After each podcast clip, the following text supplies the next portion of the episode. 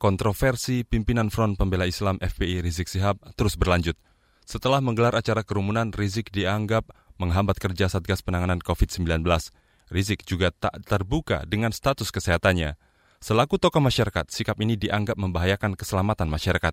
Simak laporan tim KBR yang dibacakan Naomi Liandra. Pimpinan Front Pembela Islam FPI Rizik Sihab terus mengundang kontroversi sejak pulang ke Indonesia. Sikap dan tindakannya merepotkan pemerintah, terutama dalam rangka penanganan COVID-19. Rizik mengabaikan protokol kesehatan dengan mengundang kerumunan di beberapa tempat. Selain itu, ia dan pendukungnya menolak tes usap meski melakukan kontak erat dengan pasien COVID-19.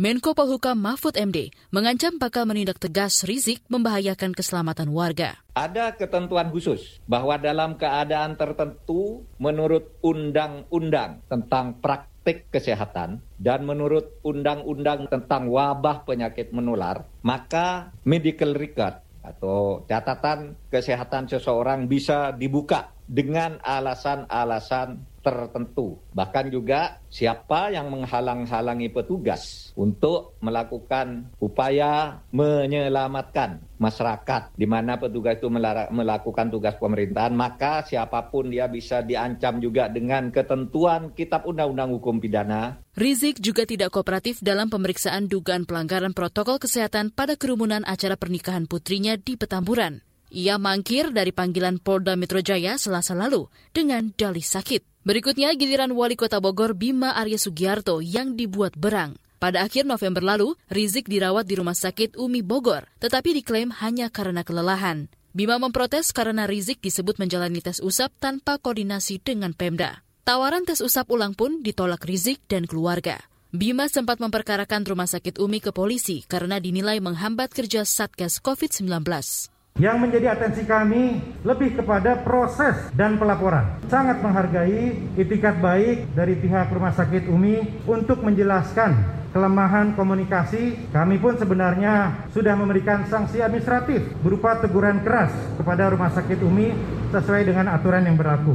Untuk itu, kami mempertimbangkan untuk tidak melanjutkan aduan kepada kepolisian. Sekjen Asosiasi Rumah Sakit Swasta Indonesia (ARSI) Ihsan Hanafi juga menduga kisruh Pemkot dengan Rumah Sakit Umi disebabkan lemahnya komunikasi.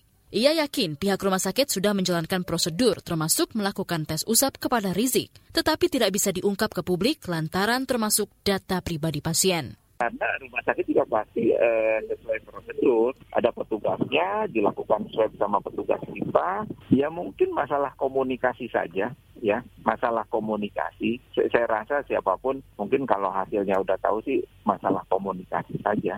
Pihak istana angkat suara dengan sikap Rizik yang menolak mengumumkan status kesehatannya. Kepala Staf Kepresidenan Muldoko membandingkan dengan perilaku sejumlah tokoh masyarakat yang proaktif mengumumkan ke publik ketika dinyatakan positif COVID-19. Apalagi langkah serupa juga ditentu dua pimpinan DKI Jakarta yang diketahui sempat melakukan kontak dengan Rizik. Apabila ini memiliki risiko terhadap lingkungan, maka harus disampaikan kepada publik. Saya pikir apa yang dilakukan oleh Gubernur DKI dan Wakil Gubernur DKI dan juga Pak Agil Siraj sebuah responsibilitas yang sangat tinggi. Kami saat ini begini, akhirnya semuanya aware. Nah, itu yang sebenarnya yang diinginkan seperti itu. Akhirnya nanti akan kita lihat tracingnya. Siapa yang pernah jam berapa, kumpul berapa orang, dan seterusnya, nanti akan memudahkan petugas untuk melakukan tracing. Sebenarnya intinya ada di situ. Sekali lagi diperlukan tanggung jawab sosial dan tanggung jawab pribadi yang tinggi di sini. Namun di sisi lain, sikap pemerintah dinilai tidak konsisten karena ada menteri yang dibiarkan menutupi status COVID-nya. Salah satunya Menteri Kelautan dan Perikanan Nonaktif Edi Prabowo. Pengamat kebijakan publik Agus Pambagio mengatakan, tokoh seperti Rizik bisa memakai dalih itu untuk menolak mengumumkan status kesehatannya. Kan banyak menteri juga yang kena tidak declare. Mungkin dia ikut-ikutan aja. Nah, itu nggak dideklar nggak apa-apa. Kok saya dideklar? Gitu kan. Karena kan jelas peraturan perundang-undangnya dan kebijakannya jelas. Ini bencana nasional. Jadi negara harus ambil alih, negara punya kuasa untuk mengurangi dampak dari bencana itu. Salah satunya ya data, terus di tracing, karena siapa saja orang yang berkontak dengan dia selama beberapa hari itu, siapa saja kan harus di tracing, terus dites. Selaku tokoh masyarakat, semestinya Rizik proaktif mengumumkan status kesehatannya. Di lain pihak, pemerintah juga terkesan enggan memaksa Rizik terbuka ke publik meski punya kewenangan.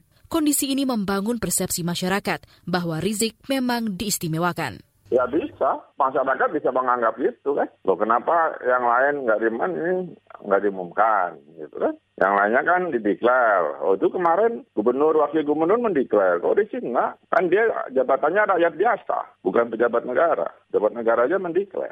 Ya kan? Ya karena satu nggak di nggak di tidak sesuai dengan GCG-nya, good corporate governance-nya, ya susah. Kan kalau tebang pilih itu sulit. Jadi pengendaliannya juga akan sulit buat Indonesia. Kita belum sampai puncaknya loh ini.